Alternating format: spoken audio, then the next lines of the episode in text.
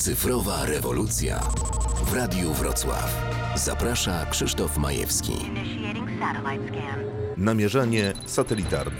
Współcześnie trudno sobie wyobrazić wyjazd do innego miasta bez skorzystania z nawigacji satelitarnej. Niezależnie od aplikacji, której używamy, bez satelitarnego systemu nawigacji daleko byśmy nie zajechali. Pierwsi byli Amerykanie ze swoim GPS-em w latach 70., kiedy system przygotował Departament Obrony Stanów Zjednoczonych. Nazywał się wtedy jeszcze Navstar GPS i miał zapewnić precyzyjne sterowanie pocisków dalekiego zasięgu. T minus 17 seconds and counting.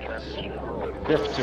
W latach 1978-1985 na orbitę wyniesiono pierwszych 11 satelitów systemu. W 1983 roku na terenie Związku Radzieckiego zestrzelono samolot koreańskich linii lotniczych. Powodem był błąd pilota, do którego nie doszłoby, gdyby cywilne samoloty korzystały z GPS-u. Wtedy też system zaczął być używany do zastosowań cywilnych. Satellite coming down in three, two, one.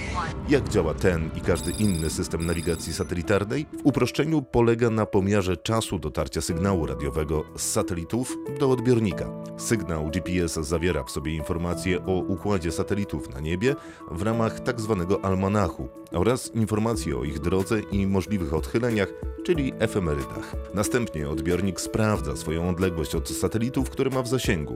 Na tej podstawie oblicza długość i szerokość geograficzną, a także wysokość. Do skutecznego przeprowadzenia pomiaru niezbędna jest wiedza o prędkości fali elektromagnetycznej, a także czas wysłania sygnału z satelity, dlatego wszystkie wyposażone są w zegar atomowy.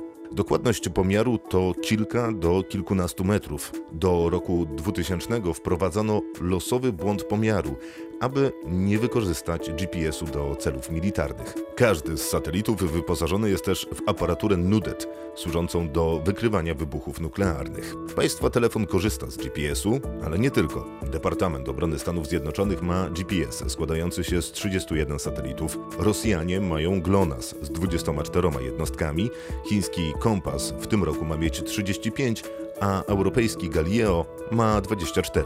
Najprawdopodobniej państwa telefon korzysta ze wszystkich tych systemów.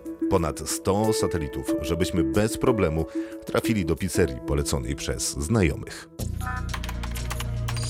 Cyfrowa rewolucja w Radiu Wrocław.